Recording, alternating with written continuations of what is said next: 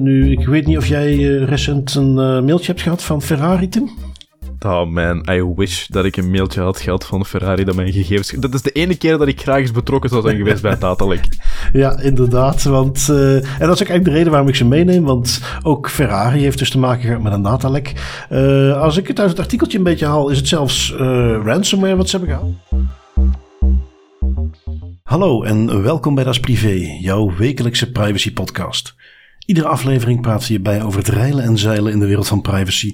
Digitale spionage, boetes, datalekken, nieuwe technologie, privacy tools, oftewel alles wat er in een week gebeurt in privacyland. Ik ben Bart van Buitenen en samen met privacy-patholoog Tim van Haren hebben wij het privacy nieuws van deze week gecureerd en eruit gehaald wat er echt toe doet. Nederland gaat dan toch geen nieuwe inlichtingendienst krijgen. Facebook heeft de afgelopen twintig jaar gegevens onterecht verwerkt. Nu goed, wij zeggen hier al die tijd al uh, hetzelfde. Maar goed, als een rechter dat zegt, heeft het toch iets meer waarde. Uh, de oplossing voor Amerikaanse clouds hebben we hier naar Belgisch model kennelijk bedacht.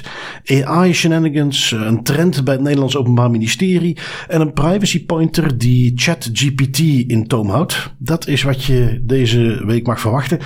Iets anders, Tim, wat men natuurlijk ook mag verwachten, of toch de mensen die zich hebben ingeschreven, is onze Das Privé soirée. Of ik moet goed zeggen, een soirée met Das Privé. Dat klinkt toch weer iets beter. Um, ik heb er zin in. Ik ook. We zijn al wekenlang naar aan het uitkijken eigenlijk. En, en langzaamaan komt die datum dichterbij. En deze week is het zover. Ik uh, ja, kijk ontzettend uit om uh, de mensen van de community, waar het nu toch wat meer op gericht is, versus uh, Privcon, waar meer een conferentie was echt, om die te ontmoeten. Daar zitten heel wat mensen tussen die ik effectief alleen maar uit de community ken, dus daar kijk ik heel erg naar uit. Ik moet toegeven, we hebben dan ja, met nog even een, een, push om het af te krijgen, want zomaar even een spelletje bedenken, daar gaat toch ook wel wat tijd in zitten. Maar ik ben ook wel benieuwd naar ons privacy spel, hoe dat gaat lopen. Um, het is natuurlijk mm -hmm. niet al te spectaculair. Het is niet alsof wij de kolonisten van Catan opnieuw hebben uitgevonden, maar desalniettemin is het toch zomaar eventjes een Das Privé spelletje wat we hebben gemaakt. Ja, ja, ik bedoel, small beginnings, hè, maar het feit dat het, dat het op poten staat en dat het iets is dat echt wel leuk is, want ik heb er ook zelf aan kunnen meewerken en de manier hoe het eigenlijk in elkaar zit. Ik moet toegeven, misschien is het echt enkel iets privacy nerds, maar ik vind het gewoon heel cool. Uh, ja, is iets waar ik heel erg naar uitkijk om eens uit te gaan testen deze komende vrijdag. Ja, ja, absoluut, absoluut. Uh, de winnaar van het spel, die krijgt ook de allereerste druk, want we hebben gewoon één druk op dit moment van het spel, krijgt hij mee. Uh, iets wat voor de rest geen enkele waarde heeft en toch gaan we dat doen, gesigneerd door Tim en mij. Dus dat, is, ja, dat is waar je mee vandaan kunt lopen bij de soirée. Ik kijk er ontzettend naar uit. We gaan ook een stukje opname doen. Wij gaan een, een podcast doen waarin we ook de mensen van de community antwoord gaan laten. Dus dat alles mag je binnenkort ook verwachten. Maar dan vliegen wij er nu gewoon in met het uh, eerste nieuwsje, de eerste update uit Privacyland. Um, de NCTV, uh, bij ons al heel vaak voorbij gekomen. De Nationaal Coördinator Terrorismebestrijding en Veiligheid, oorspronkelijk. Um, ja, die had zich de laatste tijd wat extra bevoegdheden toegeëigend. Was ook mensen online gaan monitoren. Heel veel om te doen geweest. Is dan ook ja, een beetje in, in, in het verlengde daarvan kwam ook naar buiten dat gemeentes het heel veel deden. Uh, is toch iets waar het volk het niet zo van gediend was. En de update die ik dus meebreng is dat nu het wetsvoorstel dat die aanpassingen uh, moest gaan formaliseren, dat ze dat mochten gaan doen, is aangepast. En uh, ja, die online surveillance gaat dus toch niet door. Um, wat ik nog grappig vond, in het artikel waar ik het oppikte bij de NRC, stond een kleine quote van de NCTV oud-topman. Die nu aangaf van ja, uh, kijk, zonder deze aanpassing is het NCTV een, een zinloze en krachteloze organisatie. Ben ik toch wel heel benieuwd wat hij daar dan vroeger zelf van vond. Toen de NCTV gewoon zijn oorspronkelijke opdracht, namelijk terrorisme aanpak coördineren, uitoefende. Um, ja, maar goed, in ieder geval, uh, het, is, het wordt teruggeschroefd, zo waar. Ja, het is een, een opvallende uitspraak van die vent inderdaad, want allee, dat, hij zegt daarmee, misschien onrechtstreeks inderdaad, dat de organisatie jarenlang niets of heel weinig heeft uitgehaald. En dat lijkt mij toch ook wat kort door de bocht voor iets wat ze nu voor een recht of een, ja, een toestemming die ze nu eigenlijk niet krijgen om bepaalde, om burgers te gaan volgen online wil ook niet meteen zeggen dat zij niks kunnen doen met gegevens van burgers. Gewoon dat ze die burgers zelf niet online kunnen gaan volgen. Hè. Voor zover dat ik volg in dat hele verhaal, is het wel nog zo dat de NCTV beroep kan doen op bronnen van inlichtingdiensten en van overheidsdiensten die burgers wel online mogen volgen. Ze mogen het gewoon zelf niet. En dat is, dat maakt, er, dat maakt die, dat NCTV niet meteen zinloos en krachteloos. Dat zorgt gewoon voor de juiste barrières. Ja, precies. Dat zorgt gewoon, ja, schoenmaker blijft bij je leest. Eh, dat is waar jullie voor opgericht zijn. Dat is wat jullie gaan doen. Als dan de oud-baas dan vindt dat het dan eigenlijk maar een krachteloze en futloze organisatie is, dan uh, ja, wil dat alleen maar zeggen dat hij zich misschien iets te veel uh, nieuwe bevoegdheden had toegeëigend die nooit de bedoeling waren. En ja, daarom is het misschien de oude topman. In ieder geval, dat vond ik een, nuttige update. Um, ja, dan Facebook, ik zei het al, die uh, blijken tien jaar lang onrechtmatige gegevens verwerkt te hebben. Weten we eigenlijk wel. Uh, we zijn er zelf geen fan van. Maar het is nu wat formeler. In Nederland heeft een rechter zich daar ook over gebogen. Uh, je hebt hem meegenomen, Tim, van tweakers.net. wat houdt het precies in? Ja, we gaan hier een klein beetje een open deur intrappen. Maar Facebook heeft van 2010 tot 2020 onterecht en, en illegaal eigenlijk persoonsgegevens van Facebook-gebruikers verwerkt. Dat is natuurlijk al iets wat al heel vaak gezegd werd, maar het is nu ook een Nederlandse rechtbank die dit bevestigt in een zaak die door de Consumentenbond en door de Nederlandse Data Privacy Stichting werd aangespannen tegen Facebook. Waar het die zaak eigenlijk over ging was, um, Facebook heeft van die periode tussen 2010 en 2020 eigenlijk gebruik gemaakt van de rechtsgrond een contractuele, een, het, voor het uitoefenen van een contractuele verplichting, um, of voor het uitvoeren van een contract, om persoonsgegevens van gebruikers van Facebook te gaan verwerken. Nu, het probleem daarmee is, um, Facebook stelde zelf dat uh, die, die grond van een contractuele noodzaak, dat die legitiem was, um, om persoonsgegevens te kunnen werken voor, verwerken voor advertentiedoeleinden. Um, met die grond stelde het platform dat het die persoonsgegevens moest verwerken om aan een contract te kunnen voldoen. En ja, dat, dat strookt natuurlijk niet helemaal met de realiteit, want dat contract volgens Facebook bestond uit twee delen, namelijk één, ervoor zorgen dat mensen op het platform kunnen. En twee, die persoonsgegevens gaan verwerken om die te kunnen doorspelen aan adverteerders en om advertenties te kunnen plaatsen. Nu, het genereren van, van advertentierevenue en het, um, het doorspelen van gegevens aan adverteerders en aan je eigen advertentieplatform is niet strikt noodzakelijk om mensen op je platform toe te laten. Het zorgt ervoor dat je business genereert, waardoor het platform gratis kan blijven draaien. Maar een rechter in de Nederlandse rechtbank heeft nu geoordeeld dat um, die noodzakelijkheid redelijk strikt geïnterpreteerd moet worden, wat dat ook ergens logisch is. En nergens is gebleken dat het aanbieden van een profiel op het social media platform Facebook, dat dat um, feitelijk niet kan worden uitgevoerd als de verwerking van persoonsgegevens voor advertentiedoeleinden niet plaatsvindt. Dus dat zijn echt twee apart gescheiden uh, verwerkingen. Um, en de rechtbank heeft daarmee eigenlijk simpelweg gezegd van, wel kijk, de rechtsgrond die Facebook jarenlang, tien jaar lang heeft gebruikt voor het, het verwerken van persoonsgegevens voor advertentiedoeleinden, um, die is niet legitiem. Dat kan niet. Je kan niet persoonsgegevens voor advertentiedoeleinden gaan, gaan verwerken onder het mom van het is voor een contract te kunnen uitvoeren. Dat, dat volgens de structuur die Facebook heeft opgezegd en, en waar ook heel veel andere social media platformen gebruik van maken van dergelijke structuren, is dat iets wat dat niet kan. Um, het eindresultaat voorlopig van deze recht, van de uitspraak van deze rechtbank is nog redelijk teleurstellend, moet ik zeggen. In die zin dat um, de Nederlandse Consumentenbond en de stichting Data Privacy, de Data Privacy Stichting moet ik eerder zeggen, die um, hebben oorspronkelijk in 2020 die rechtszaak, rechtszaak aangespannen tegen Facebook met het idee om een schadevergoeding te kunnen krijgen. Een soort van massaclaim-achtige actie die toen werd opgezet naar het Amerikaanse model.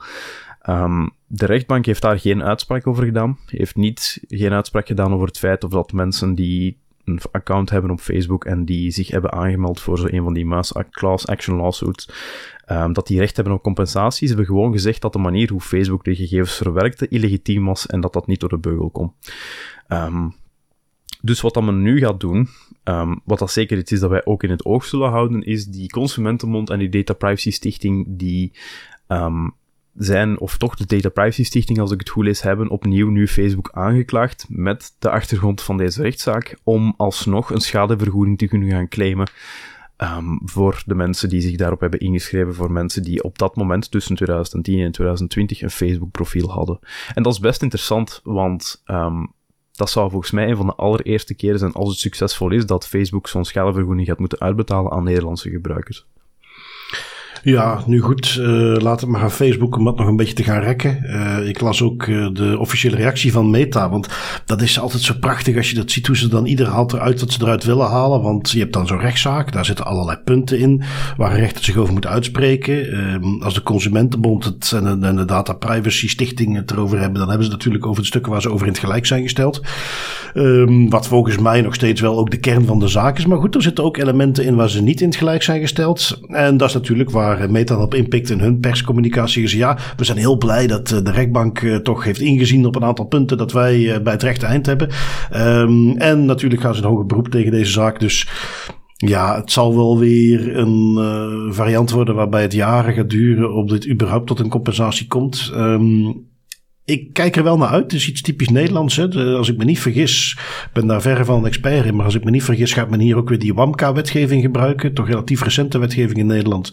Waar men ook uh, bijvoorbeeld tegen TikTok-zaken heeft lopen. Om eens een keer zo'n uh, vergoeding te kunnen krijgen. En dat zou best wel een unicum zijn. Ik heb uh, in Europa zijn er al wel voorbeeldjes van organisaties die een schadevergoeding hebben moeten betalen aan één specifieke betrokkene, één persoon. Als ze iets verkeerd hebben gedaan met gegevens. Maar zo'n massaclaim, daar zou ik toch heel graag eens een keer zien vallen.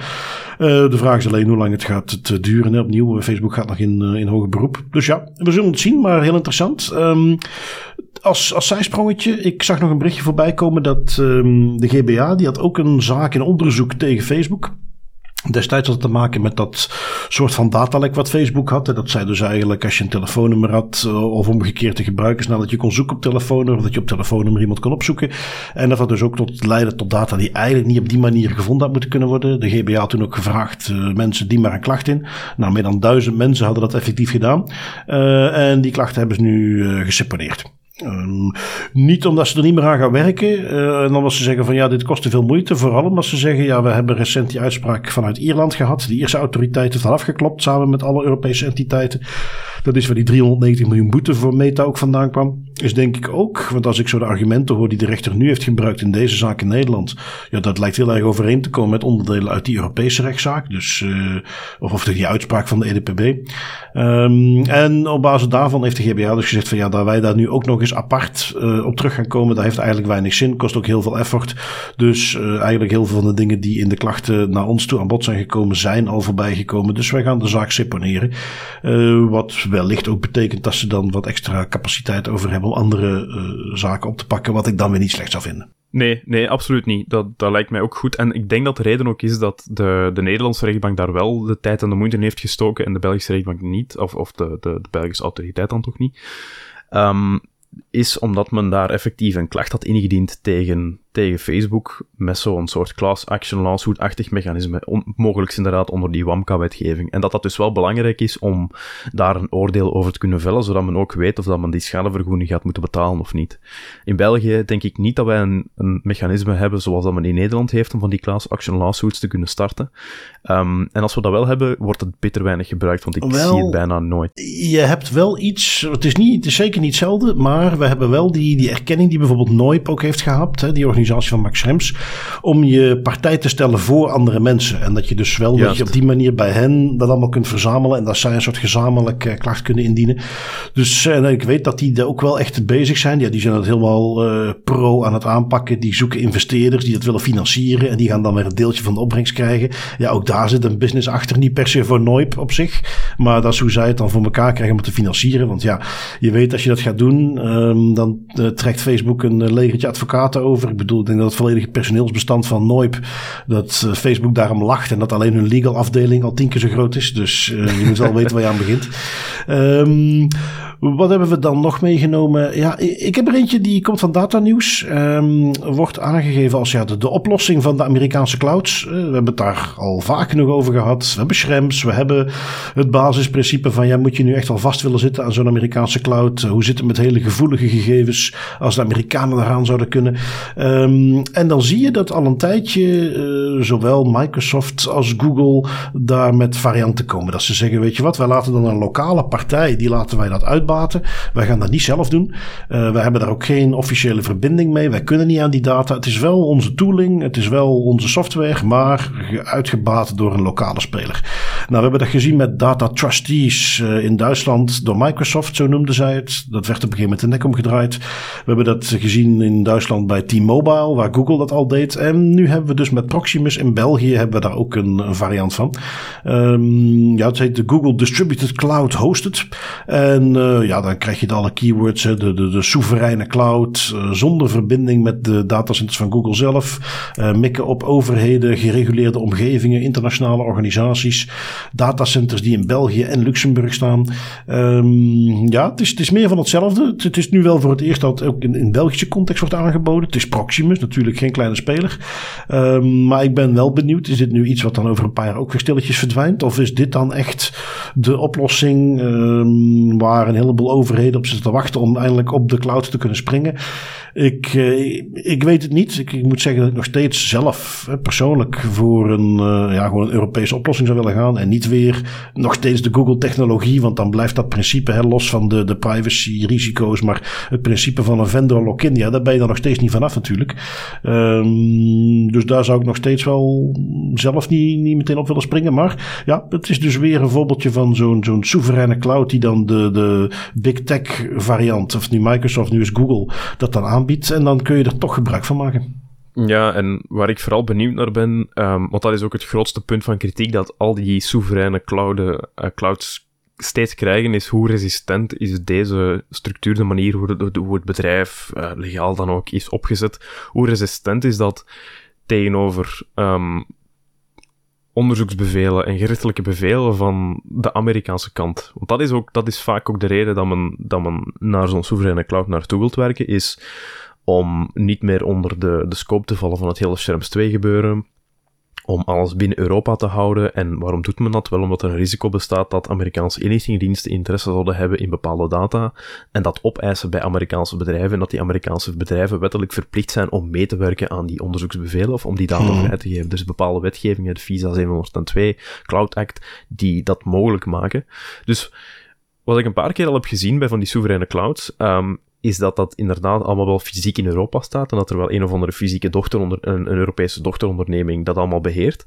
Maar dat als puntje bij paaltje komt, die Amerikaanse inlichtingendiensten wel nog altijd een mogelijkheid hebben om een bevel uit te sturen aan Google of aan Microsoft of aan Amazon om die data uh, over te hevelen naar Amerikaanse diensten, naar, ah, naar de Amerikaanse okay, okay, overheid. Ah, nee, de varianten die ik daarvan gezien heb, daar is dat wel echt uitgesloten. Daar is het dus ook niet een dochterbedrijfje van Google. Daar is het echt gewoon een, een ander bedrijf, hè, dus een T-Mobile of een Proximus die dat, die dat doet.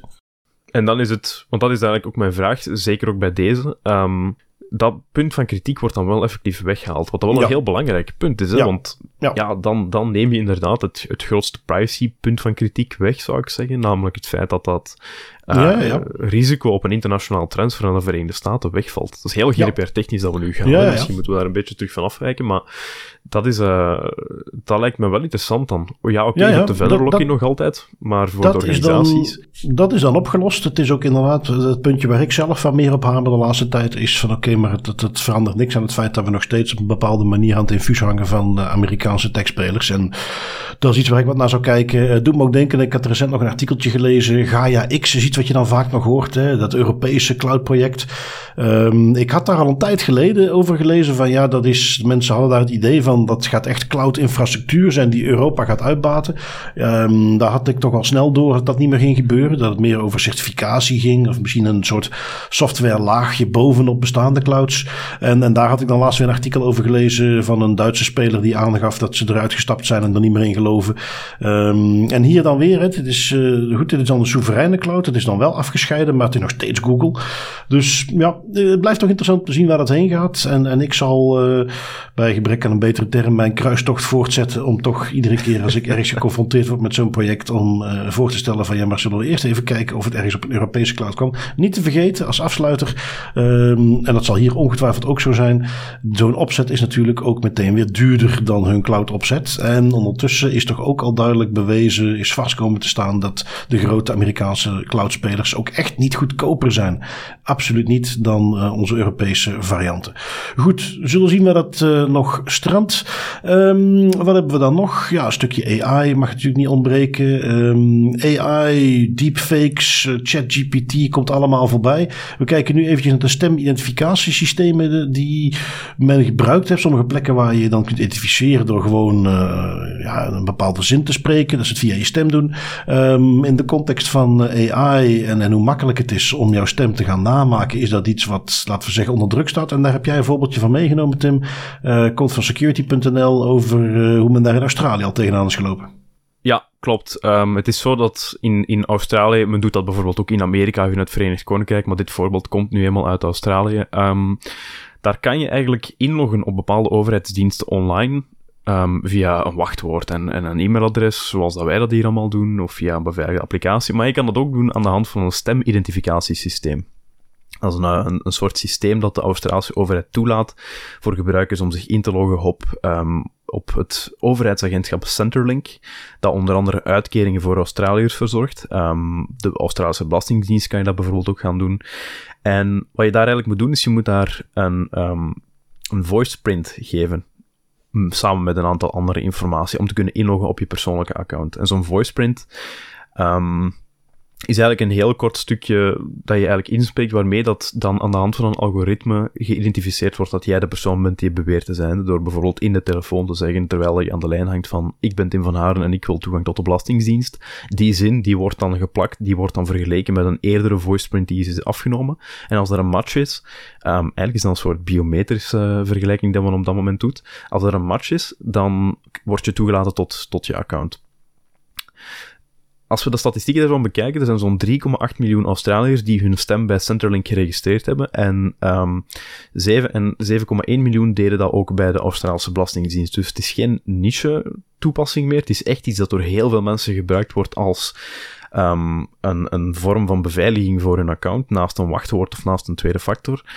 Um, en het interessante daarin is, ja, de opkomst van bepaalde artificial intelligence tools heeft dat redelijk gemakkelijk gemaakt om die stemverificatie te omzeilen. Het is een, uh, een artikeltje van The Guardian Australia, waarin een journalist um, ontdekte dat ze met vier minuten aan audio van zichzelf een kloon van haar eigen stem kon laten maken. En dat in combinatie met een klantreferentienummer um, was voldoende om in te loggen op haar account bij de Belastingdienst en bij de Centerlink. Dus vier minuten audio, wat dat, als je een podcast hebt redelijk gemakkelijk is om te vinden, um, was voldoende om eigenlijk voor te zorgen dat jij de veiligheidssystemen van de Belastingdienst of van het overheidsagentschap Centrelink in Australië kon bypassen. En dat is, uh, ja, redelijk, redelijk interessant, moet ik zeggen. Ik ben dat ook zelf eens gaan uittesten. In het, in het artikel staat niet welke applicatie dat ze gebruikt hebben, maar de applicatie die recent um, naar boven is gekomen die heel vaak gebruikt wordt voor dat soort toepassingen is Eleven Labs.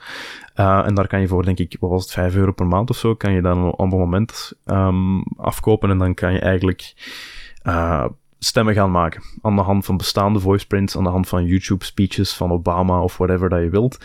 Uh, en ze zeggen ook, het is redelijk interessant hoe snel dat die technologie werkt, want met iets ongeveer vijf minuten audio heb je voldoende om een redelijk accurate stem te maken. En ik heb dat een aantal keer getest uh, met mijn eigen stem, met de stem van Obama, met de stem van, van Joe Biden, om er een paar gemakkelijke voorbeelden uit te halen. En het is redelijk bijzonder hoe accuraat dat die technologie is. Ik moet zeggen, ik, was er echt van, ik stond daar echt van versteld. En dat neemt, brengt nog maar eens naar boven dat uh, ja, een beveiligingsmechanisme zoals die voiceprint is op zich, was misschien tien jaar geleden een fantastisch cool idee, maar soms door misschien onverwachte technologische vooruitgang, kan het wel eens zijn dat zo'n beveiligingsmaatregel niet meer adequaat is. Ja, nou moet ik toegeven, dit vind ik niet echt onverwacht. Als je mij had gevraagd, moet je je bankrekening gaan beveiligen met een stem? Nee, nee, laten we dat vooral niet doen. Hè? Uh, maar uh, goed, geen verrassing daar. Ja, het doet me ook denken, en dat is, dat is met die biometrische dingen, um, dat is ja, zo'n heel klein dingetje, maar mijn telefoons vingerafdruk, ja. Face ID, ik wil er niet aan. Hè? Iedere telefoon die, uh, de laatste iPhones, ik wil er eentje die met Touch ID werkt, want Face ID, ik, Ik weet niet meer in welke context het was, of ik het ergens gelezen of iemand vertelde me, maar dat was er een tweeling. En um, die konden mekaars telefoon ontgrendelen uh, met Face ID. Om maar te zeggen, zo super moeilijk is dat ook niet. Bij vingerafdruk daarentegen gaat dat niet lukken, want die vingers zijn effectief anders. Um, dus ja, nee, het idee van een stemgebruik om te identificeren, dat was, dat was volgens mij nooit een goed idee. Nee, klopt, dat klopt. Hè. Ik geef daar ook volledig gelijk in. Maar om daar even op terug te duwen, er zijn heel veel mensen die nog altijd vinden dat gezichtsherkenning een hele goede manier is om je toestellen of om bepaalde accounts zelfs te gaan beveiligen. Um, om zelfs bijvoorbeeld de trein op te stappen naar, naar de, het Verenigd Koninkrijk. Daar is men bijvoorbeeld ook mee aan het spelen om met gezichtsherkenning te, werken. Ja, om maar bijvoorbeeld een, een, land te noemen dat daar graag mee bezig is. Um, en dat zijn technologieën waar we vandaag de dag van zegt, ja, maar dat is veilig en dat is goed en dat is zelfs, dat is heel gericht en we kunnen dat op een privacy-proof manier gaan doen. En ik, ik heb een beetje het gevoel dat we soms in een wapenwetloop terecht zijn gekomen waarin het een continue strijd is tussen de technologie die moet detecteren dat iets echt is of fake is en de technologie die specifiek ontwikkeld is om iets te vervalsen. Net zoals die Eleven Labs, die heel accuraat op basis van 5 minuten audio, wat dat, let's be honest, niet zo heel veel is, een, een, uh, algoritme kan creëren waardoor jij tekst input en dan komt daar de stem van Obama uit die zegt van hallo, wij zijn de podcast uh, en wij zijn hier dingen aan het zeggen dat is, ik vind dat, ja, dat is soms een beetje scary om te zien dat dat, dat echt zo een continue strijd is tussen het detecteren en het vervalsen. En ik denk dat dat ook bij facial recognition inderdaad een, een, een punt is dat we niet mogen vergeten, wat dat vandaag de dag nog niet echt in acht wordt genomen. Er zal altijd zijn, hè, de seconde dat een, een overheid of een, of een, organisatie met een controlemaatregel komt, dan zijn de mensen acuut er ook op aan het springen om daar omheen te komen. Mhm. Maar goed, met die stemmen is dat dus wel heel erg makkelijk. Dus eh, ik uh, gok dat uh, als ze dan zeggen, ja, maar wij monitoren dat voor misbruik, dat ze eigenlijk bedoelen, we zijn heel rap aan het kijken hoe we het kunnen gaan vervangen met echte technologie die een beetje beter werkt. Um, wat heb ik nog meegenomen? Ja, iets van we al een paar keer dat we die dan als apart itempje meenemen, maar ik begin echt een trend te zien. Ik dacht, ik, ik ga er eens eventjes naar op zoek, wil ik er deze week van kan vinden. Ik had er meteen drie te pakken. En ik heb dus de indruk dat het eh, Openbaar Ministerie in Nederland wel een beetje een punt wil maken de laatste tijd. Uh, waar gaat het namelijk over het, uh, de criminelen die phishing doen? En we laten ze wel eens voorbij komen. We hebben al wel eens gezegd van ja, dit is dan toch iets wat duidelijk, ja, je kunt er ook mee gepakt worden. Het is geen misdaad meer waar je makkelijk mee wegkomt. Um, dat punt wil het Openbaar Ministerie in Nederland volgens mij maken. ik gewoon in één week tijd drie artikeltjes, als ik ze heel snel eventjes de revue laat passeren. Um, Eén situatie was in een combinatie met de Roemeense politie drie Nederlanders hebben aangehouden. Uh, ook onder andere in Roemenië eentje. Die deden dan dus via phishing uh, de klassieke mensen in de tuin lokken, denken dat het een bank is en dan vervolgens geld overschrijden. Duizend slachtoffers, een miljoen euro. Um, een Hagenaar, iemand uit Den Haag, twee jaar cel, die richtte zich op Belgische gebruikers, specifiek interessant. Um, ik weet niet hoe het bij jou zit, Tim, maar op het moment dat ik mijn telefoon oppak, en dat gebeurt tegenwoordig steeds vaker, dat lijkt dan een Belgisch nummer. En dan hoor ik een heel zwaar Nederlands accent. um, Ja, ik, ik weet het. Uit mijn mond voor de doorsnee Vlaming is dat al, kunnen ze daar niks mee. Maar uh, misschien voor zwaar wat Nederlandse luisteraars, als jij altijd bij mij dacht dat ik ook een Belg was. Ja, dat is dus niet zo. Uh, en iedere Vlaming die mij hoort praten, zal je dat vertellen. Um, voor de meeste Nederlanders klink ik als een Belg. Anyway, als ik dus aan een, een Belgisch nummer, dat belt mij. En ik hoor daar inderdaad een zwaar Haags of, of Amsterdams accent. Um, ja, dat valt toch meteen op. Dus ik vind het interessant dat die uh, Hagenaar zich specifiek richt op Belgische gebruikers. Um, die deed de klassieker. Je hebt daar uh, de, de, de, mensen die de panels verkopen, heet dat dan. Dat zijn, ja, de, de criminelen kopen dat om gebruik te kunnen maken. Dat zijn dan, die krijgen kant en klaar de websites aangeleverd waar mensen op inloggen, zogenaamd. En dan krijgen zij die gegevens doorgestuurd. Dus je hebt daar nog een splitsing in dat criminele milieu tussen de mensen die die paneltjes maken en de mensen die effectief dan de telefoontjes plegen en mensen daarop laten inloggen. Waarschijnlijk een beetje een scheiding tussen de mensen die het technische stukje kunnen maken en dan de mensen die de telefoontjes gaan doen. In ieder geval, uh, die zijn ze ook op het spoor gekomen via de maker van die panels. En zo hebben ze die persoon gevonden. Die mag twee jaar de cel in. En tenslotte een 24-jarige die ook uh, mensen contacteerde op basis van de gelekte data. Die hij dan ging opbellen. En ook weer deed alsof hij in dit geval dan een virusscanner ging installeren. Want er was een probleem. En uiteindelijk werd daar ook weer geld over geschreven. Die mag 4,5 jaar de cel in. Um, ik denk dus dat het OM een heel duidelijk punt wil maken van kijk, dit is jarenlang iets geweest waar je best makkelijk mee weg kon komen. Maar dat stopt nu. Want het is ondertussen al al, ja, ik denk dat wij er in de podcast nu met deze samen al minstens tien de afgelopen maanden hebben gehad die hiervoor de bak in draaien. Ja, klopt. Het is, is elke week dat we dat zien op de, de bronnen die wij vaak raadplegen, dat dit soort misdrijven nu ook redelijk, redelijk hard op wordt gehandhaafd about time zou ik ook durven zeggen, want um, dat is keer op keer dat we dat zien in jaarrapporten van, van banken, van de politie, dat uh, phishing en, en dergelijke fraude toch altijd in de top staat van de hoeveelheid geld die mensen daarmee verliezen. Als men dat allemaal combineert, dat gaat, het, lijkt misschien pitluttig en, en low effort, alhoewel ik moet zeggen dat sommigen heel gesofisticeerd kunnen gaan. Um, maar de totale kost, als je alle slachtoffers bij elkaar brengt, reist altijd in de miljoenen. En dat is, um, ja, zoals ik al zei, goed dat ze daar nu eindelijk eens werk van maken om een duidelijk signaal te geven dat dit um, niet zomaar iets is waar je nog maar mee weg kan komen. Daar kan ik me alleen maar bij aansluiten. Um, wat hebben we dan nog? Ja, god, het is zo hot. Ook wij springen er graag even op mee. Jij hebt nog uh, een hot take over uh, TikTok. Ja, het is, uh, het, is een hot take van de Electronic Frontier Foundation, Amerikaanse burgerrechtenbeweging die zich bezighoudt met het, het, het, beschermen van de rechten van, de, van mensen als het gaat om privacy en cybersecurity. Um, interessante hot take daarin omdat de IFF eigenlijk redelijk kritisch is op het beleid van de Amerikaanse overheid uh, en de rest van de wereld by, by proxy, als het aankomt op het, verbannen van TikTok van overheidstoestellen en, en uh, persoonlijke toestellen van overheidsambtenaren. Wat dat ze eigenlijk zeggen is, ja kijk, um, we merken op dat um, alle social media platformen en andere online grote bedrijven gigantische hoeveelheden persoonlijke data van hun burgers verzamelen. TikTok is daar absoluut geen uitzondering in. En wat zij nu zien is, en dat is een beetje een Amerikaans insteek natuurlijk, maar zij zien dat de Amerikaanse overheid nu zonder eigenlijk heel veel hard bewijs probeert om een specifieke tool van een specifiek land te verbannen. Um, en ze hebben een beetje het gevoel dat het hier meer gaat over de origine van het land en, en de manier hoe dat eigenlijk allemaal in elkaar zit, en minder over de principe kwestie dat er heel veel gegevens van, van overheidsmedewerkers verwerfd worden en dan ook misbruikt zouden kunnen worden. En ze halen een aantal goede argumenten aan. Ze, moet ook toegeven, in het artikel wordt wel duidelijk genuanceerd dat de manier hoe uh, het regime in China staat tegenover censorship en privacy en hoe dat, dat zich vertaalt naar hoe dat TikTok werkt en hoe dat de persoonsgegevens van TikTok naar China zullen gaan, dat dat niet optimaal is en dat dat zeker niet wenselijk is. Maar ze zeggen, dat gezegd zijn, hebben we wel kritiek op de manier waarop de Amerikaanse overheid dit nu allemaal gaat doen en dit nu zo at the whim lijkt het een klein beetje probeert te verbannen en de rest van de wereld volgt daarin. Want een punt dat ze aanhalen waar ik hun absoluut in volg, dat echt wel terecht is, en dat ook de reden is dat wij altijd in de podcast zeggen dat men niet moet stoppen bij TikTok, maar dat men verder moet gaan, is als men morgen stopt met het gebruik van TikTok en de Chinese overheid wil informatie over overheidsambtenaren of over mensen die voor de overheid of bij de overheid in de nabijheid ervan van, van Amerika werken, uh, dan kan men heel simpelweg gewoon aan een Amerikaanse databroker informatie gaan kopen. Men heeft dat ondertussen gedaan om homoseksuele priesters te vervolgen en te achtervolgen. Niks staat die Amerikaan, die Chinese spionnen bij wijze van spreken, waar we dan zo gezegd over bezig zijn, niets staat die mensen in de weg om naar een Amerikaanse databroker te stappen en daar op de een of andere manier data te gaan kopen.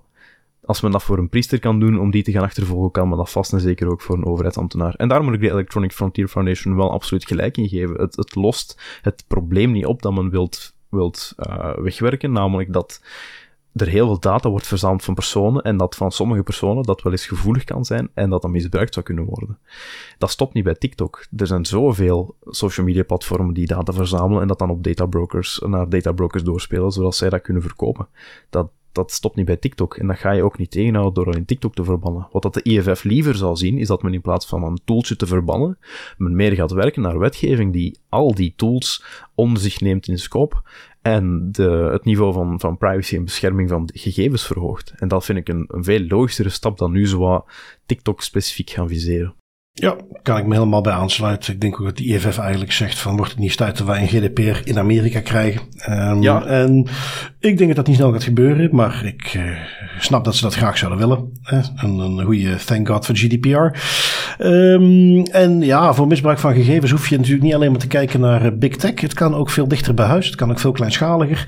Um, België had daar toen de GDPR was ingevoerd. De allereerste boete die de GBA oplegde was voor een politicus die uh, mailadressen en contacten uit een professionele context gebruikte om uh, politici um, in de kader van de verkiezingen reclame te maken.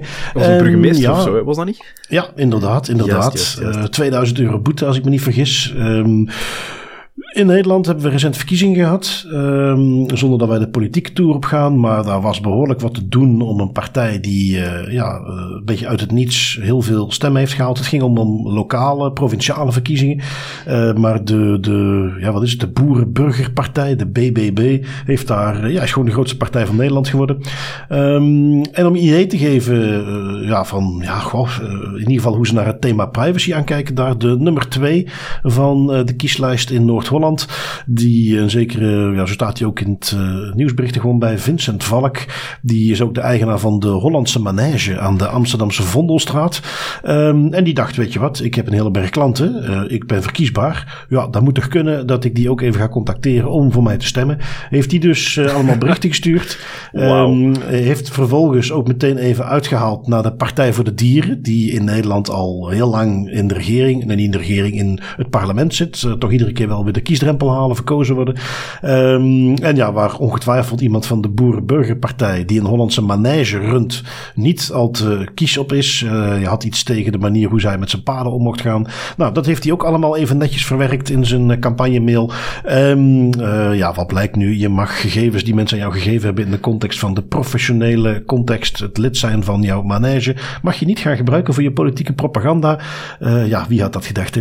Ja, dat lijkt mij de evidentie zelf, zelfs voor mensen die eigenlijk heel weinig bezig zijn, of zelfs niet bezig zijn met GDPR en privacy-achtige kwesties, lijkt mij dat toch iets dat redelijk voor de hand ligt dat je het een niet gaat gebruiken voor het ander, maar uh, swat, dat moeten ze dan bij de Hollandse manege blijkbaar nog een klein beetje leren.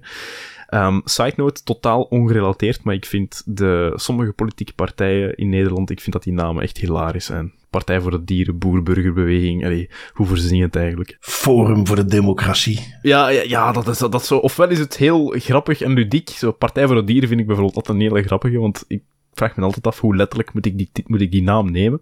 En dan heb je zo de zwaarlijvige, hè, dat je van weet van, oké, ja, daar gaan interessante dingen uitkomen. Ja, ja. Ja, nee, en uh, ja, versplintering is in Nederland ook niet vreemd. Uh, benieuwd of deze partij, die dus uit het niets de grootste wordt, uh, dan over een paar jaar ook weer implodeert. Maar goed, dat is misschien voor een andere podcast. Um, wat hebben we nog meegenomen? Um, iets, ja, goh, moet ik het noemen? Leuks is misschien de verkeerde term, maar toch wel iets opvallends. Ze hebben daar de mooie naam voor gekozen, de Acropalypse. Um, een bug die in software zit en met toch echt wel een nadrukkelijk privacy kantje. Want eigenlijk kan het leiden tot een, een serieuze datalek. Je, hebt hem bekeken, Tim. Wat, waar, gaat deze bug over? Ja, ik moet misschien beginnen met credits te geven waar credits are due. Het was Sea Dragon, een van onze communityleden, die dit, de link had gepost naar dit artikel en naar informatie hierover in onze community. En het gaat over inderdaad over de acro Acropolis. En die, ja, wauw, daar uh, even over val ik aan altijd kwaad. Het is een soort bug die in Google Pixel smartphones zit. Um, en zoals de naam al een klein beetje doet vermoeden, het heeft te maken met de cropping tool. De, de, de tool die je gebruikt om um, bepaalde delen van een foto af te snijden of blurring of, of bepaalde tekst weg te laten. Uh, de screenshot tool, eh, zoals sommigen hem ook misschien wel kennen. En um, het probleem is dat dank, dankzij die bug was het mogelijk om de stukjes die afgeknipt werden van zo'n, van een foto, of de stukjes die gemaskeerd werden met een zwart balkje of met iets anders, om dat te achterhalen. Dus het was via een bug mogelijk om de originele afbeelding eigenlijk te, te herstellen als je een, een gecropte, een afgeknipte afbeelding had. Um, ja, ik moet je natuurlijk waarschijnlijk niet vertellen waarom dat problematisch kan zijn. Stel dat jij, um, ik, neem u maar een heel, een heel extreem voorbeeld, hè, maar stel dat je naaktfoto's wilt sturen via een applicatie, je neemt die foto met je Pixel smartphone, je kropt daar heel netjes je gezicht vanaf, je naaktlichaam staat er nog op, want dat is uiteraard waar dat de mensen naar kijken, maar je gezicht is weg, dus het is niet rechtstreeks identificeerbaar. Met die tool is het dus mogelijk om dat gezicht dat je eraf hebt geknipt, om dat er terug op te plakken, bewijzen. Alleen dat staat nog ergens in de informatie in dat bestand en ze restaureren dat, ze zorgen ervoor dat, dat de originele foto eigenlijk terug in zijn originele staat wordt hersteld. Dus ja, dat kan uh, serieuze gevolgen hebben voor de privacy van mensen. Het, het, kan het zo gek niet bedenken. Er zijn zoveel manieren waarop dit misbruikt kan en waarschijnlijk is. Um, het is wel gefixt ondertussen. Google heeft die bug gefixt in hun, smart, in, hun Pixel smartphones. Um, dus dat is goed, maar de vraag is natuurlijk, ja, hoe vaak is dit misbruikt? Dat gaan we waarschijnlijk nooit weten. Nee, en, en hoeveel uh, screenshots heb je ondertussen al doorgestuurd op een veelheid aan media die men nu in retroactief nog eventjes kan gaan terugzetten. Dus uh, nee, dat uh, is niet echt iets om blij van te worden. Um, ja, ja, wat kun je er nog van zeggen? Dat ziet dat ze er nu pas achter komen, is toch ook wel apart. Maar dus ja, een, een serieus, ja, in feite ook een soort datalek, een bug. Um, Even zien, wat hebben we nog? Uh, ja, een stukje dronebeleid. In uh, Deventer, in Nederland, heeft men bedacht, weet je wat, wij kunnen ook eh, drones gaan inzetten. Dat is eigenlijk wel een ontzettend nuttig interventieinstrument. Kunnen we dingen mee in de gaten houden. Um, dan is de vraag even, Tim, hebben ze dan niet rekening gehouden met de mogelijke privacy implicaties? Ja, ben heel blij dat je de naam van de gemeente hebt gezegd voor mij, want ik was aan het twijfelen, is het Deventer of Deventer? De, de Vlaamse benaming misschien eerder, maar dus, dus Deventer. Um, en het is inderdaad zo, die gemeente die gaat um, een drone inzetten om toezicht te houden op het buitengebied en ook om uh, visueel, visueel materiaal te kunnen verwerven bij de technische inspectie van uh, bepaalde slecht bereikbare gebouwen, onoverzichtelijke, complexe dingen die heel hoog staan. Um, en dat is allemaal goed en wel. Hè. Dat is, en ik moet ook zeggen, voordat we misschien een klein beetje kritiek gaan geven, ik vind het heel mooi wat dat ze doen, want ze geven eigenlijk meteen ook mee dat ze gedacht hebben aan de privacy, dat ze een aantal maatregelen hebben genomen om ervoor te zorgen dat um, mensen niet in beeld komen bij het uitvoeren van activiteiten met die drone, of dat die zo weinig mogelijk toch in beeld komen. Um, maar dat is een klein beetje ook het punt waar ik nog, nog iets mis, is er, en dat is iets, dat is een boodschap die ik nog wil meegeven aan iedereen als men ooit privacy moet meenemen als een, als een uh, concept en men moet daar ook naar buiten toe informeren dat men daarover gedacht heeft. Het zou veel leuker zijn als we heel specifiek zouden kunnen weten welke maatregelen er genomen zijn in dat dronebeleid. Want wat we nu weten is die drone die gaat rondvliegen over die gemeente, die gaat gebruikt worden om toezicht te doen op bepaalde ruimtes of om technische inspecties te doen in gebouwen. Gaat dus naar alle waarschijnlijkheid ook wel eens over woningen vliegen waar mensen inwonen of, of uh, scholen of speelplaatsen of whatever, plaatsen waar mensen zich gewoon dagdagelijks begeven.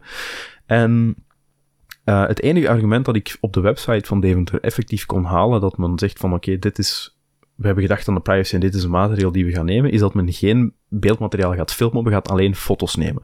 Nu, op een foto kan je nog altijd iemand uh, identificeerbaar maken, afhankelijk van hoe goed dat de resolutie is van, van die dronecamera's. Uh, daar kunnen dingen op staan die, die niet wenselijk zijn. Um, ik zeg nu zomaar iets, dat is een heel extreem voorbeeld, hè, maar stel dat je in de zomer in de tuin aan het zonnen bent, ja, als man is dat misschien niet zo gevoelig. Als vrouw, als je geen bikini aan hebt, kan dat wel eens gevoelig zijn als er dan plotseling een droom boven je hoofd komt te zweven. Heel extreem voorbeeld, maar gewoon om mijn punt te maken. Um, en, en dan is een foto nog altijd een gevoelig gegeven. Dan is er nog altijd iets, iets wat, dat, wat dat, ja, niet altijd wenselijk is dat gemaakt wordt van jou. Um, en de enige, het enige argument dat men daar eigenlijk aanhaalt is, ja, we, we nemen foto's en onze droneoperatoren zorgen ervoor dat er niemand in beeld komt. Nu ja, als een drone zo heel hoog boven een gebied ligt te hangen, is het niet altijd mogelijk om ervoor te zorgen dat mensen uit beeld zijn. Dus ik had veel liever gezien dat men, dat men toch iets concreter was met de maatregelen die men daarnaast nog heeft genomen om dat allemaal te gaan beveiligen. Ik denk bijvoorbeeld aan het blurren van beelden uh, on-device of achteraf, uh, het verwijderen, retentieperiodes. Waar het eigenlijk op neerkomt is, ik had heel graag gezien dat er een data protection impact assessment was gemaakt. En misschien is dat gebeurd, maar dan had men dat eigenlijk ook wel kunnen zeggen, want nergens op de website, nergens op de informatie over de privacy, waar men toch redelijk uitvoerig is geweest, staat dat er een data protection impact is, is gemaakt. Wat ik wel verwacht dat gebeurt als je met drones gaat rondvliegen boven een gemeente. Ja, zeker. En, goh, kijk, de manier hoe ze beschrijven dat ze die willen gaan inzetten, dat kan perfect op een manier waarbij je inderdaad er op een rekening mee houdt. Ja. Um, wat je in andere contexten al had gezien, ik herinner me, was er nu een projectje in de buurt van Kortrijk, waar men het verkeer in de gaten wilde gaan houden met drones, en waar dat letterlijk gewoon ging, we gaan boven een, een groot kruispunt hangen, en we gaan daar de voorbijrijdende auto's in beeld nemen, en we gaan daar analyses op doen. Um, dan wordt het dan meteen veel moeilijker, en, en, en, en potentieel ook gevaarlijker, als men hier zegt van ja, het is echt alleen maar bedoeld om vooral gebouwen in de gaten te houden of om bepaalde dingen vast te stellen aan gebouwen, uh, is daar risico natuurlijk veel kleiner. En, en zou ik bijna zeggen, ja, dan zie ik meteen hoe een drone op een heel efficiënte manier bepaalde dingen mogelijk gaat maken die anders alleen maar heel uh, lastig vast te stellen waren. Dus uh, good for you dat je dat gaat gebruiken.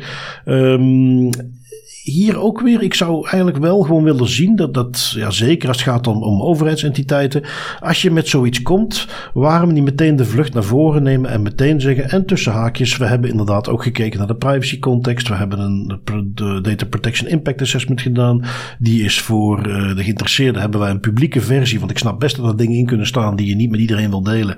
Voor een publieke versie hebben we beschikbaar gemaakt op de website. Dus, dus niet alleen maar in een persberichtje meezetten van, ja, wij vinden iedereen zijn privacy heel belangrijk en we hebben maatregelen genomen, punt. Nee, wees daar meteen duidelijk over. Dan, en dan, dat, dat, dat plaveit de weg om veel meer van dit soort technologie te gaan inzetten. Ik weet zeker op het moment dat je naar een burger duidelijk kunt maken dat dat keer op keer ook gebeurd is. Als wij met zo'n nieuwe technologie komen, wees niet bevreesd, we hebben daarover nagedacht. Dan is er veel minder een probleem. Maar nu zit ik zeker nog in de uh, reflex dat zodra ik zoiets voorbij kom ik meteen denk van, oh oh, we gaan ze nu weer in de gaten houden. Ja, ja, exact. En, en dat, is het, dat is een beetje het probleem, is als je geen informatie geeft, dan creëer je automatisch een scenario waarin dat mensen die het gebrek aan informatie zelf gaan opvullen, vaak met negatieve uh, gedachten of, of met negatieve aannames. En als je dat kan wegnemen door gewoon voldoende informatie te geven die, die, uh, die, die ja, achterdocht misschien is het foute woord, maar de, daar komt het wel op neer. Als men dat kan wegnemen, ja, dat is, uh, zoals jij zelf ook al zegt, dat zet de gateways open om heel veel technologie in te zetten. Want dat is ook iets dat ik nog veel te vaak zie, is dat men met de vinger wijst naar de GDPR-wetgeving of naar privacywetgeving in het algemeen. En dat men zegt van, ja, ik mag dit en dat niet doen van de privacywetgeving. Terwijl dat eigenlijk heel vaak blijkt dat dat niet zo is, dat het eigenlijk omgekeerd is, dat je heel veel van de privacywetgeving mag doen. Dat, dat, dat is een wetgeving die heel ruim zaken toelaat op voorwaarde dat je een aantal dingen doet. En ja, tuurlijk, als je die dingen niet gaat doen, dan mag je het niet. Maar dan mag je niet de wetgeving de schuld geven dat je die dingen niet mag doen. Nee, nee, nee, precies, precies. Helemaal mee eens. Um, eens even zien. Ja, een paar uh, datalekken. Um, de eerste die we meegenomen, ja, die jij hebt meegenomen, Tim, is van de Amsterdamse waterleiding Duinen. Um, om uh, verwarring tegen te gaan. We hebben het hier over een natuurgebied wat je kunt gaan bezoeken.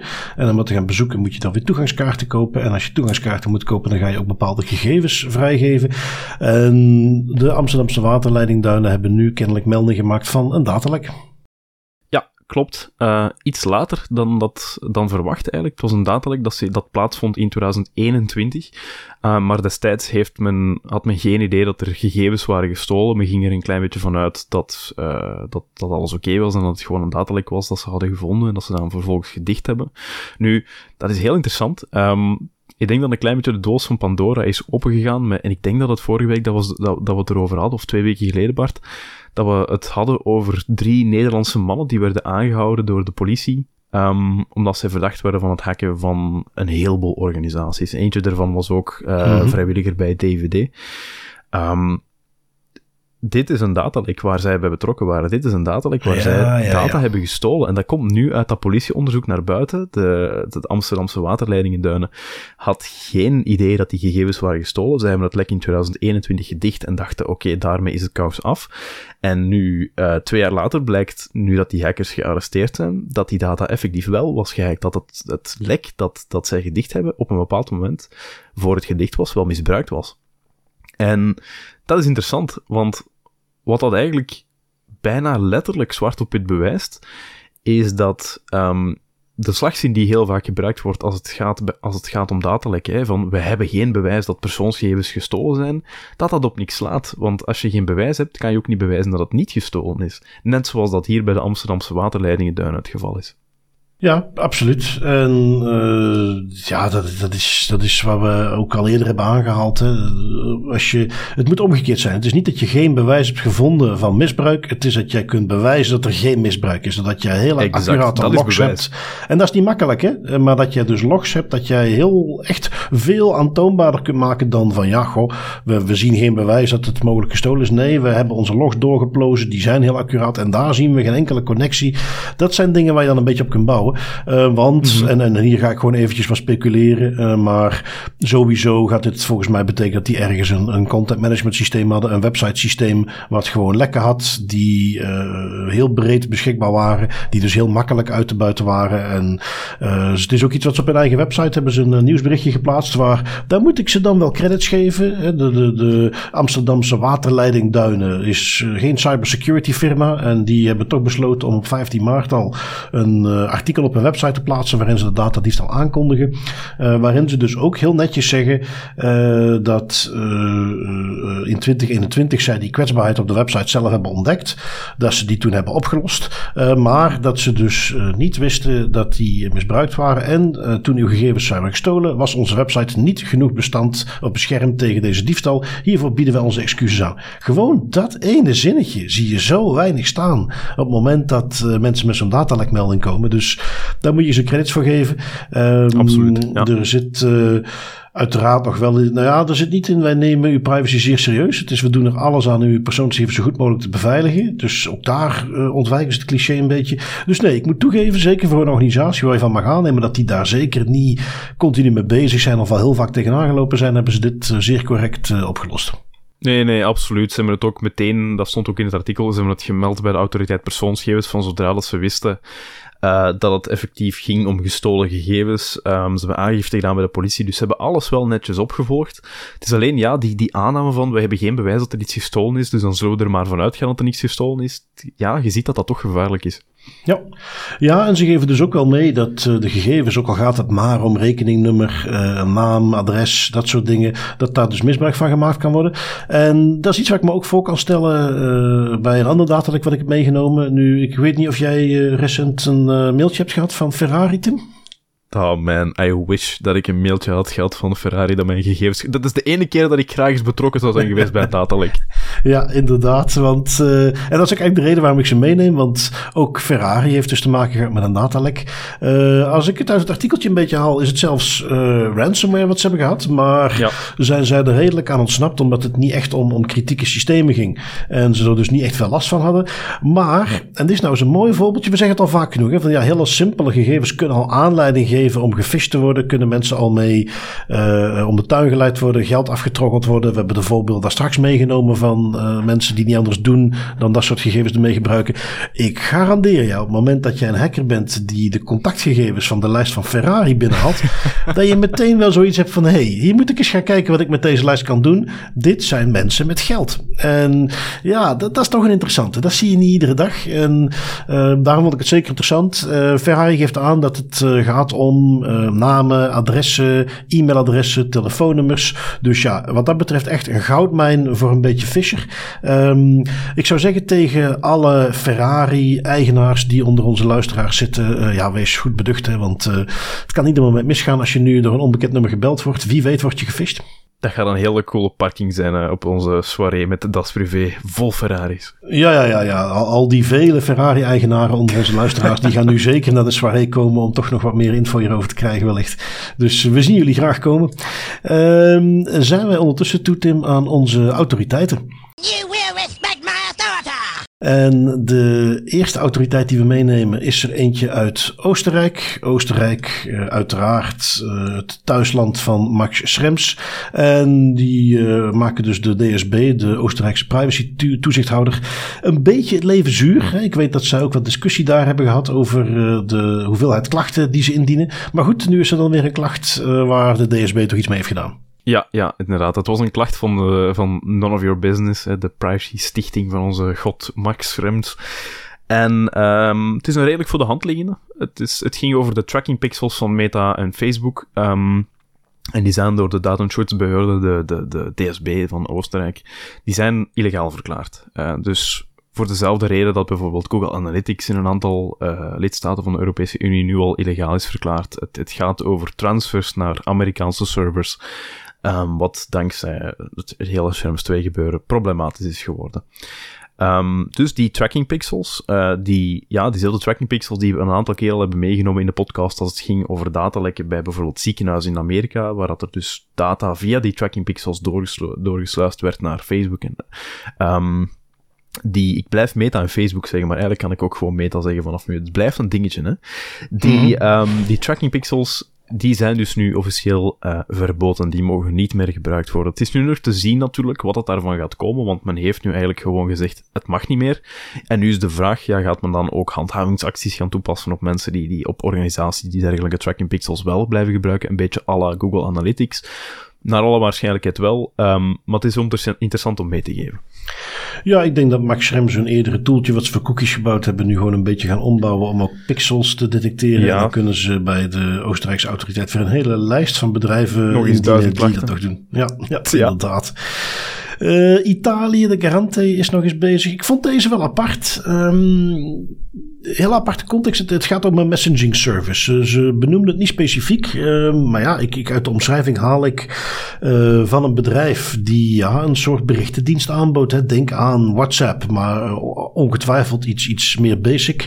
Het ging ook, ik denk dat het ook specifiek naar klanten was. Want het ging maar om 7500 mensen slash organisaties. Um, wat hier opvallend aan was, dus die hadden die berichtendienst die onderdeel uitmaakte van een, van een app. Um, en die uh, berichten die werden gewoon bekeken. Die waren toegankelijk voor de medewerkers, uh, voor iedereen. Daar zaten ook potentieel gevoelige gegevens tussen.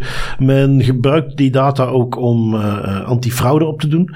Um, dus met dit soort anti-phishing analyse. mogelijk, daar wordt dan maar geïnsinueerd om ook waarschuwingen weer te geven als zij dachten dat een bericht een phishing bericht was. Maar goed, om dat te doen gingen ze dus wel gewoon alle berichten Um, er, ja, er staat dus niet bij wat voor bedrijf dit was, maar er staat wel bij dat het ook potentieel ging om gezondheidsgegevens, uh, vakbondsaffiliatie. Dus ja, toch zeker wel uh, gevoelige gegevens. Um, op de vraag waarom hadden jullie die überhaupt aan het bewaren, zeiden ze van ja, wij zijn eigenlijk met onze berichtendienst een soort telecommunicatiebedrijf. Dus ja, dataretentiewetgeving. Nou, daar ging de garante absoluut niet in mee. Die zat dat het voor hen niet van toepassing was. En uh, ja, dit alles bij elkaar heeft ze dan toch ook weer een 40.000 euro boete opgeleverd. Mm -hmm, mooie, kan tellen. Dan zijn wij toe aan onze privacy pointers. En wat heb jij meegenomen, Tim? Uh, ik heb deze keer justdeleteme.xyz meegenomen. Um, Just Delete Me is een website, is een, een, directory.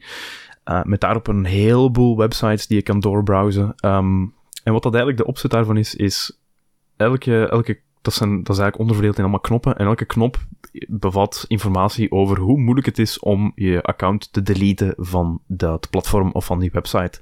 Met dan ook, als het van toepassing is, een rechtstreekse link naar het formulier of naar uh, het stukje van het accountbeheerscherm waar je je account kan gaan verwijderen. En het leuke daaraan is, het is uh, color-coded en het gaat van groen, wat dat heel gemakkelijk is om je account te gaan verwijderen, tot zwart, wat dat betekent dat het onmogelijk of echt heel, heel moeilijk is om je account te gaan verwijderen.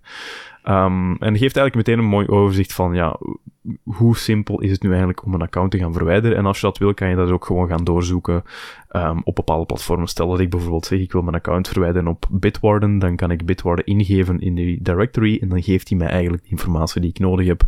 Uh, en wijst hij mij eigenlijk in de juiste richting om mijn account te gaan verwijderen. In sommige gevallen is dat heel evident en heel gemakkelijk. In andere gevallen ben je heel blij dat je die tool hebt, um, omdat dat u heel veel speurwerk en gerommel in configuratieschermen bespaart.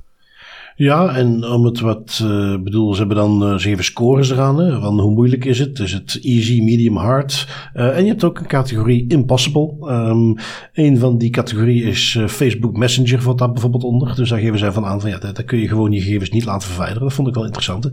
Um, maar voor de rest, ja, is een leuke website. Um, ik heb nog iets meegenomen ik, ik, vond, ik vond hem interessant. Het is natuurlijk heel populair, modern. Um, je kent misschien wel dat trucje, Tim, dat als jij, hè, wat, wat, wat marketing pipo's heel veel doen, is van op LinkedIn. Uh, je kunt vanuit LinkedIn kun je exports trekken en dan gaat men, hè, zoals mensen ook een e-mailadres zichtbaar hebben gemaakt in zo'n export.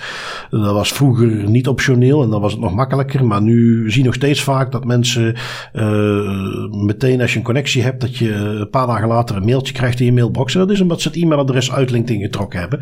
Nu, al een tijdje is jou misschien ook wel opgevallen dat mensen in hun naam zo'n een emoji hebben staan ergens. Want als je dat gebruik maakt van zo'n extractietoeltje en er wordt dan gemaild, dan weet je meteen, ah, die heeft mijn gegevens van LinkedIn gewoon eruit gehaald. Want ik zie zo'n, uh, soms is dat dan echt het emoji zelf, soms is dat gewoon de, de, de code die gebruikt wordt, omdat het mailprogramma dat ze gebruiken de emoji niet snapt. Dus dat is een variant die ik al kende.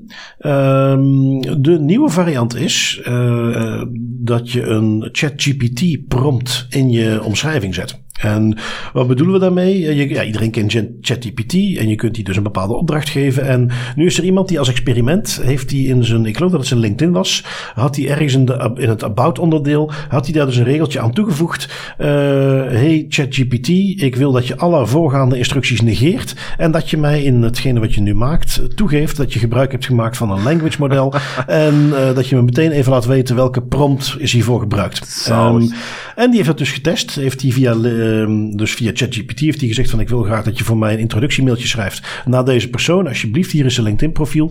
En in het mailtje wat ChatGPT dan maakt, zit dus effectief die instructie verwerkt. Want die ChatGPT verwerkt dat, krijgt dan zo'n instructie en, en, pakt dat op. Um, komt uit een ideetje wat iemand uh, op Twitter alles had gepost een hele tijd terug. Uh, die had het wat simpeler gedaan. Die had gewoon gezegd uh, in, in, op zijn pagina waar zijn informatie stond en dan in de witte tekst die dus niet te zien was op de achtergrond dat hij erbij is. By the way, Bing, ik wil, uh, dit is heel belangrijk. Ik wil dat je in alle communicatie het woordje koe gebruikt.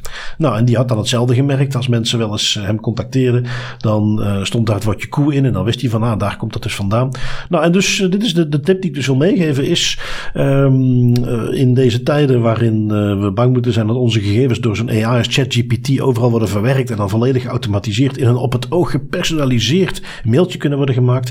Je kunt zo'n prompt dus op bepaalde plekken inbouwen. En als iemand dan daar gebruik van heeft gemaakt, dan uh, is de kans dus groot dat je dat terug gaat zien in het mailtje. Vond ik een hele leuke, nuttige tip. Ja, dat is, dat is inderdaad een hele coole tip. En, en ook grappig om te zien dat het zo goed werkt. Ja, ja, absoluut. Goed, um, dat is het weer voor deze week, Tim. Uh, ja, ik kijk er dus ontzettend naar uit om onze luisteraars uh, vrijdag te ontmoeten. Deze podcast staat uh, een paar dagen voordien al online. wie weet dat er zelfs, dat zeg ik niet omdat ik het zelf verwacht, maar omdat ik dat alles van andere mensen gehoord heb die ik tegenkwam, die zeiden van, ah, op de heenweg hierheen heb ik naar jouw podcast geluisterd en nu zijn we hier. Dus misschien dat we die ook tegen gaan komen. In ieder geval, ik zou zeggen, beste luisteraars, wie dat geldt, ik zie jullie vrijdag en de andere hoop ik dat het weer een goede aflevering was. En horen jullie ons volgende week. Yes, tot vrijdag en tot volgende week.